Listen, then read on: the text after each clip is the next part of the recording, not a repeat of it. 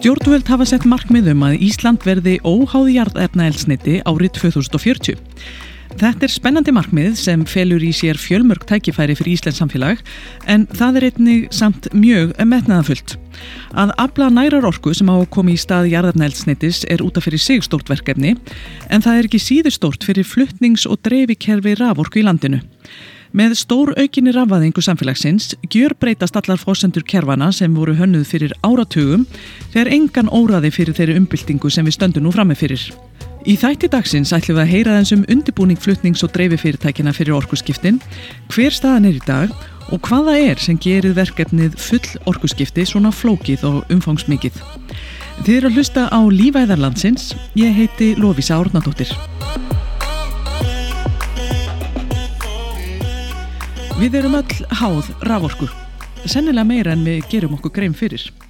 Allt frá sjálfsögðustu hlutum eins og að kveikja ljósheima hjá okkur og nota einföld heimilistæki í það að sjúkarhús, vassveit og fráfutukerfi, helstu atvinnuvegir myndu fara alveg á hliðina ef raforkuna nýtt ekki við. Raforkan þarf að komast ánga sem hennar er þörf, hvar sem er á landinu og um það sjá flutnings- og dreifikerfi. Á þessu tvennu er munur. Fyrirtækið Landsnet rekur flutningskerfi raforku landið um kring og sérum að flytja raforkuna frá framleiðslu í virkinu landsins og á milli landsluta. Dreifiveitunar í landinu eru fimmtalsins, veitur, HS veitur, Rarik, Orkubú Vestfjörða og Norðurorka. Þau fór ramagn frá flutningskerfi Landsnets og þjónusta svo sitt afmarkaða dreifiveitu svæði, almenning og fyrirtæki innan þess. Mér finnst gott að hugsa munin á flutningskerfinu og dreifikerfinu eins og slagaðar og háræðar líkamanns.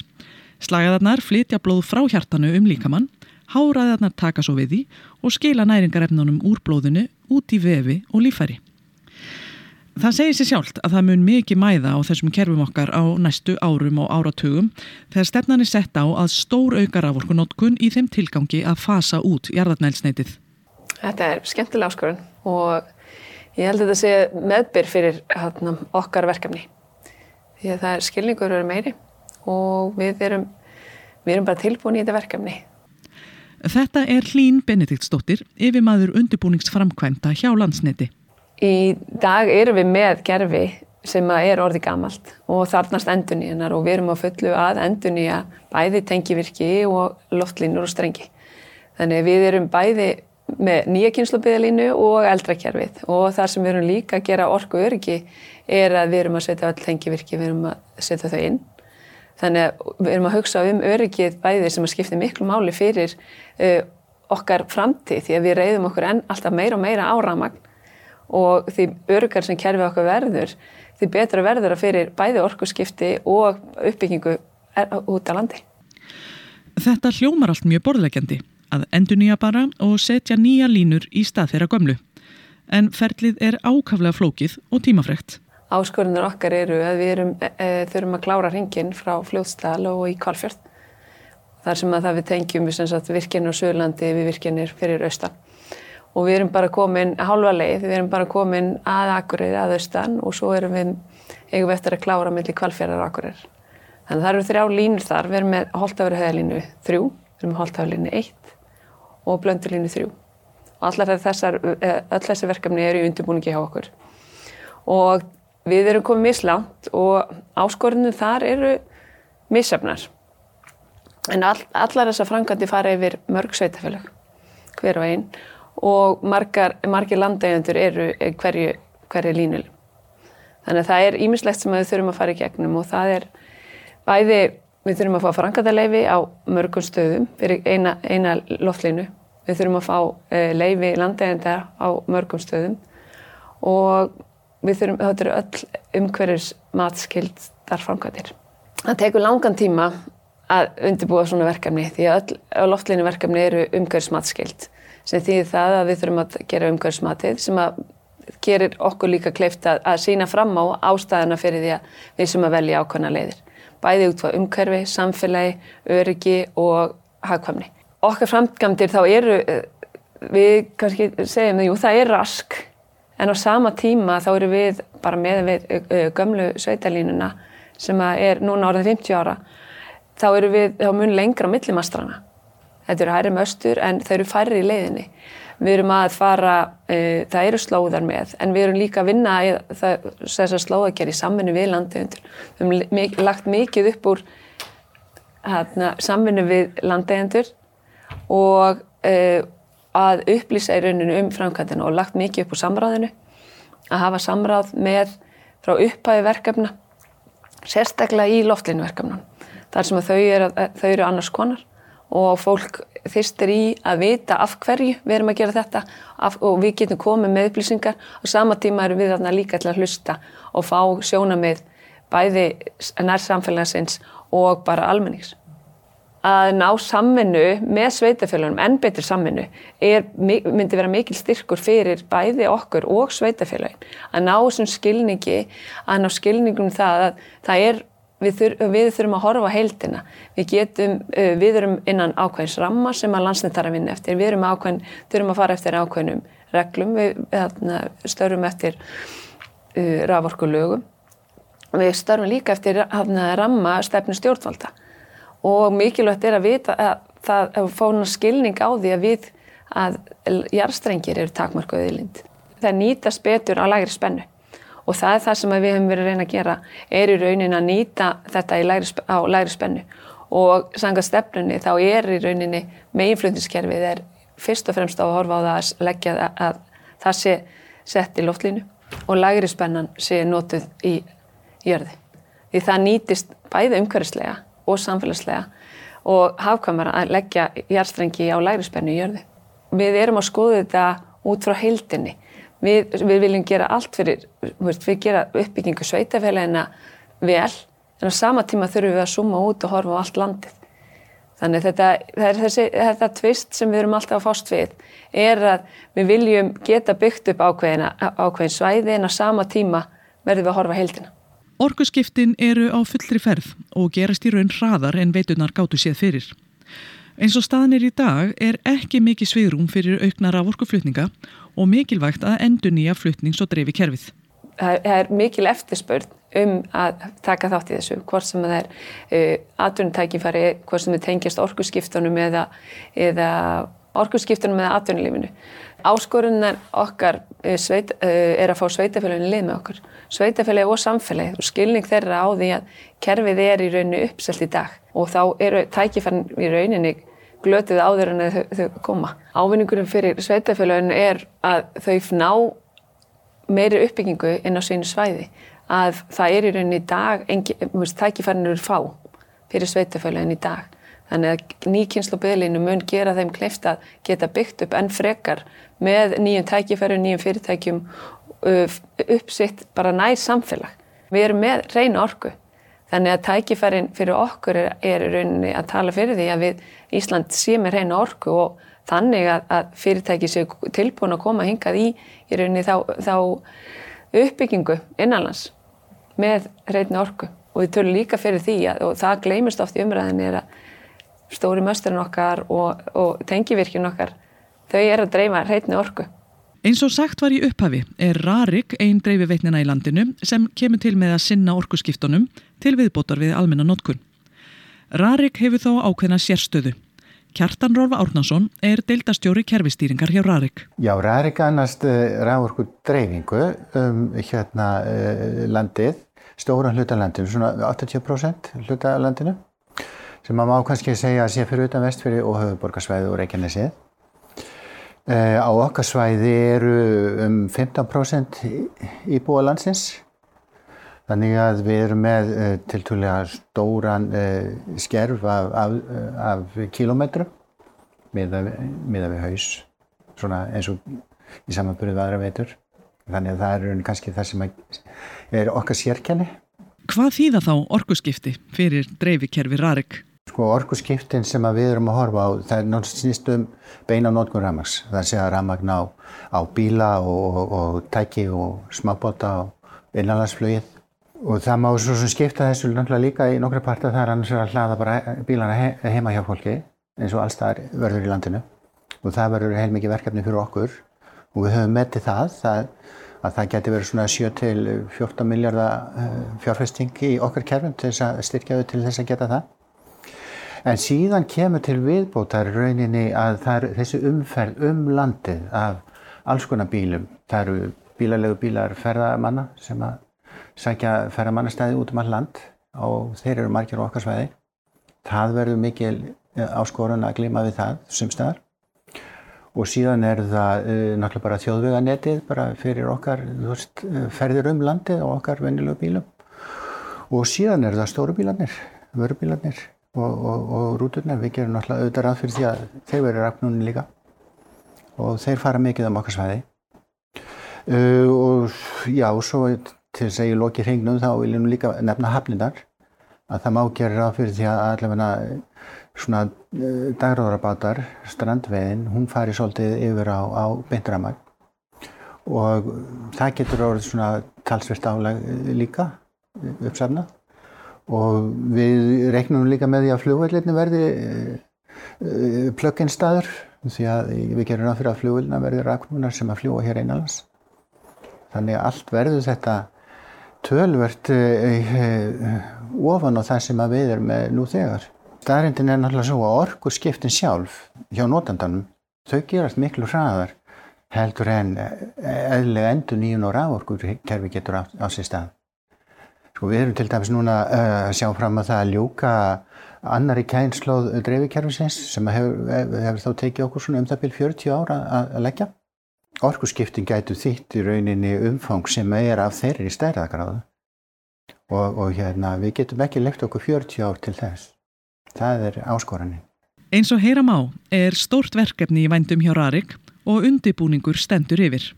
Já, við erum náttúrulega bara eins og allir í bransanum að bóla kafi að reyna að skoða hvað er að gerjast og hvað er framöndan og hvað gæti orðið og hvað það þýðir fyrir okkar kerfi. Og það er náttúrulega bara hröð tæknið þróun á þessu sviði. Þannig að við erum bara stöðugt að sjá nýja hluti gerast og, og hérna höfum ekki séð allt ennþá. Þannig að sumt vitum við orðið nokkuð vel, sumt uh, er meira svona uh, gisk út frá einhverjum uh, svona líkjendum um, um, um þróunina. Þannig að það þýðir líka það að við þurfum að hugsa fram í tíman og við þurfum að vera skrefi á undan. Sem er ymmit það sem fluttnings- og dreifi fyrirtækin eru að gera. Á vettfangi samorku vinna orku og veitufyrirtækin umfangsmikið fagstarf í ráðum og hópum um hinn ímsu málefni. Eitt þeirra er orku skipta hópur. Almar Barha er fagsviðstjóri samorku. Orku skipta hópur samorku er uh, faghópur sem var stopnaður um málefni orku skipta á Íslandi og í honum eiga sæti meðlumir frá öllum helstu aldafyrirtækjum samorku og í rauninu þetta eru svona helstu sérfræðingar uh, geirans í, á þessu sviði það er að segja í orkuskiptunum og, og ræða hittast mánalega og ræða um málefnið út frá uh, orkuhlutum og dreifiveitu, flutningsveitu og bara svona almennt séð hvað, hvernig þróunin blasir við með þeim. Og þessi hópur hefur verið að vinna einhverja greiningar svona á vettvangi samorku, hvers konar greiningar eru það? Það er bara allt frá, frá því að skoða hvernig hlæðsluhegðun einstaklinga er og yfir í það að, meta orkuþörf vegna orkuskipta. Eh, Kanski stæsta og fyrsta svona stóra greiningin sem var unnin var eh, hérna, hlæðsluransókn. Þá var farið í samstarfið eh, erlend fyrirtæki flítkarma og þá voru settir inn kuppar í eh, bíla hjá fólki eða þeim sem vildu taka þátt í rannsókninni sem að þá voru að meta hvernig fólk hlóð bílana og hvernig svona hlæðslu hegðunin var.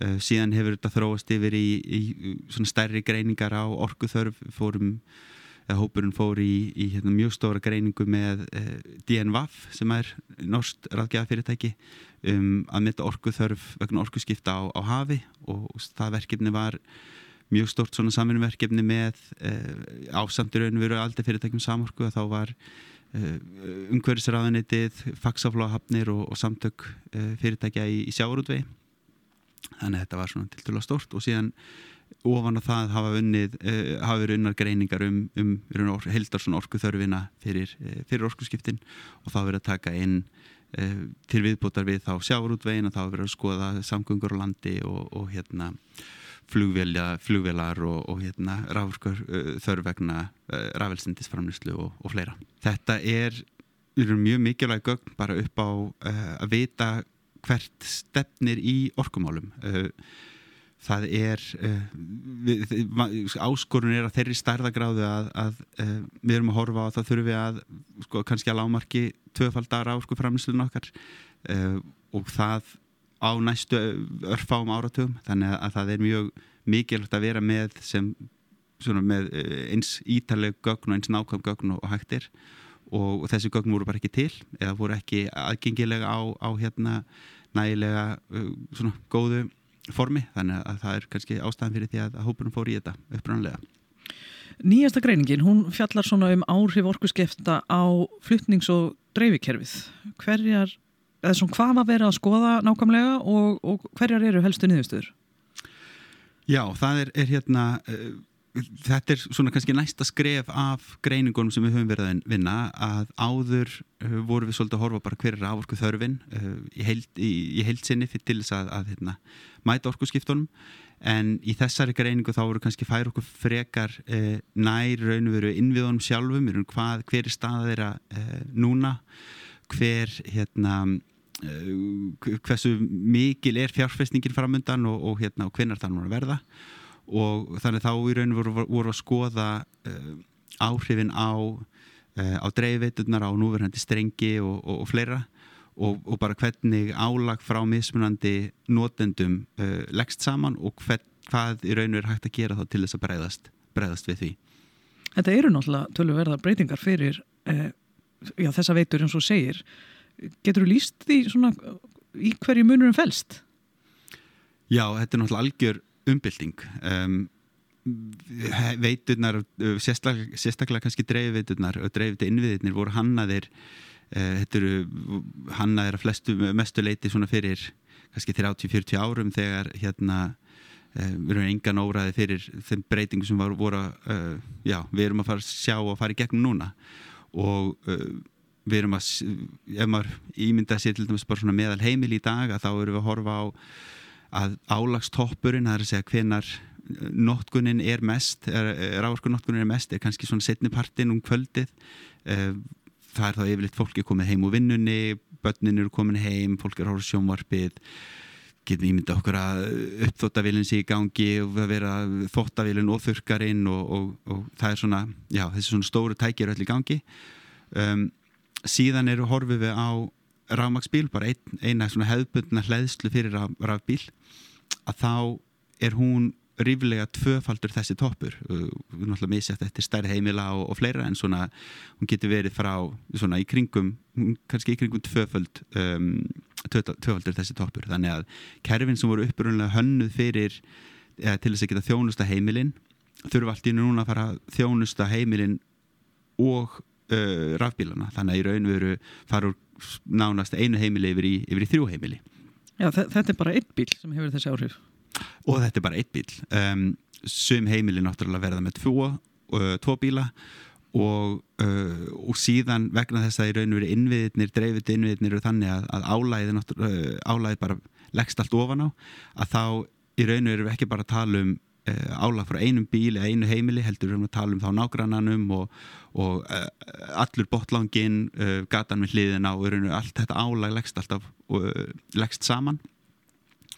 Og, og þannig að, hérna, að styrkinga, styrki þörfin í dreifvitunni hún er um, í raunum er í gegnum allt kerfið ekki, ekki bara þannig að það þurfi að dreifit en það er ekki bara að, að hafa ágjöra því að, að sinna heimilinu heldur uh, þarf allt kerfið allt í unna að, að hérna, stækka uh, umtalsvert. Mm. Og, og, og svo eiga náttúrulega eftir að bætast þessi stærri tæki við, eh, flutningabílar, skip og, og ég veit ekki hvað og hvað, en, en, en hvaða svona niðurstöðu komust þið að eftir þessar greiningu um, um hversu mikið þarf að styrkja þetta kerfi og hvert álags, hver álagsbreytingi verður?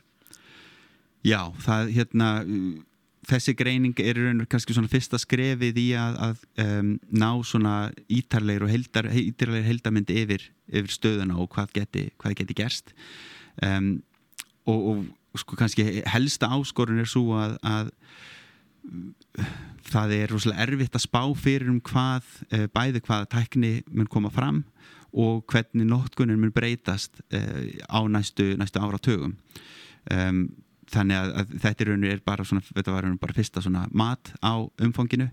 En, en það er niðurstur benda til þess að, að þá erum við að horfa á uh, að lámarki tvöföldun á, á álægi það er að segja að við erum að, að það þarf að tvöfalda það afl sem að kerfi þarf að, uh, þarf að geta synd og, og þetta er uh, og þar er í þeirri greiningu erum við að gera ráð fyrir svona álagsstýringu á einhverju leiti um, ef að um, hæsti toppurinn ef að við horfum á að allir bílar uh, og allir þungaflutningar og allt þetta um, vera rafættir og ef það eru allir að hlaða á sama tíma þá eru toppurinn umtalsvært herri og, og þá er einmitt líka verið kannski áhugavert að horfa til þess hvað um, hver toppurinn í rávorkunótkun verður ef maður ímynda sér til dæmis bara á um, mánudeginum um Vestlunumannhelgi þegar allir eru kominir heim úr ferðalagi uh, hafa verið með bílinn fullan skotti fullt af, af útilegudóti eða, eða einhverju þess áttar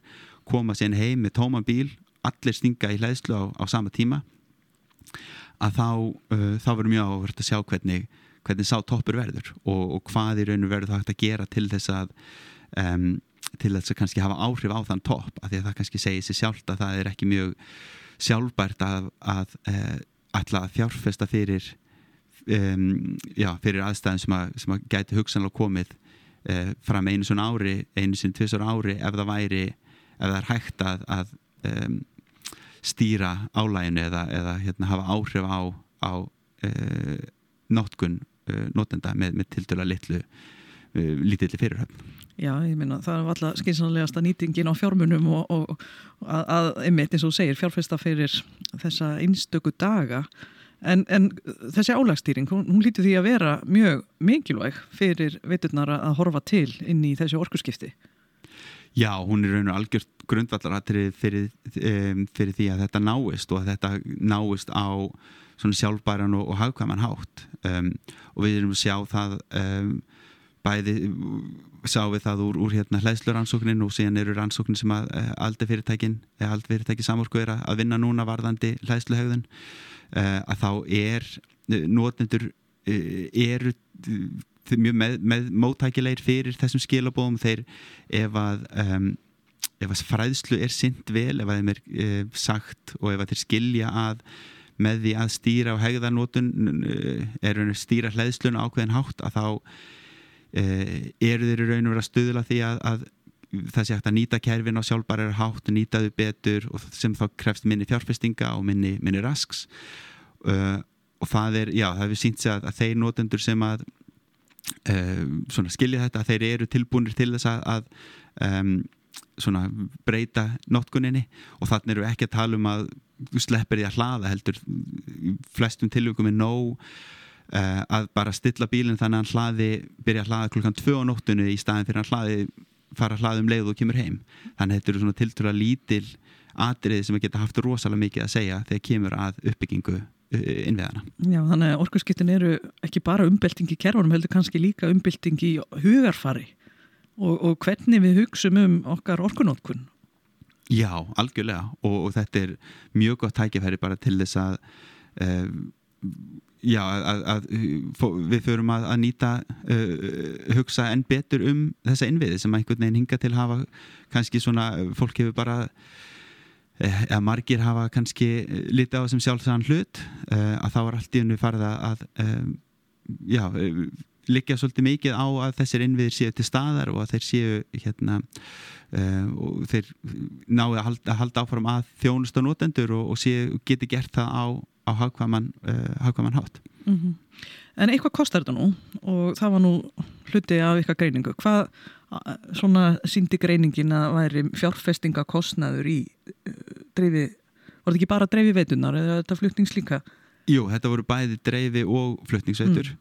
Uh, og þarna var, í rauninu voru að skoða kostnaðin um, bara kostnaðin sem var hlýst af því að þjónust orku skiptin og, og raun og leggst á ofan á hefbundin, þessar hefbundar fjárfestingar sem að veiturnar eru að fara í sem eru þá bara tengdar um, ef það er verið að opna nýj hverfi eh, ef það er verið að endur nýja og, og viðhalda þess aftar en sákostnaður var metin uh, á bylun 120 til 180 miljardar, uh, miljardar króna Og á hvað tímabili er það? Uh, það er raun og veru bara til þess að mæta þessum, mæta fullum orkusskiptum. Þannig erum við að miða við um, að markmið stjórnvaldagum að, að verða óháð jarðarnelsniti árið 2040 náist.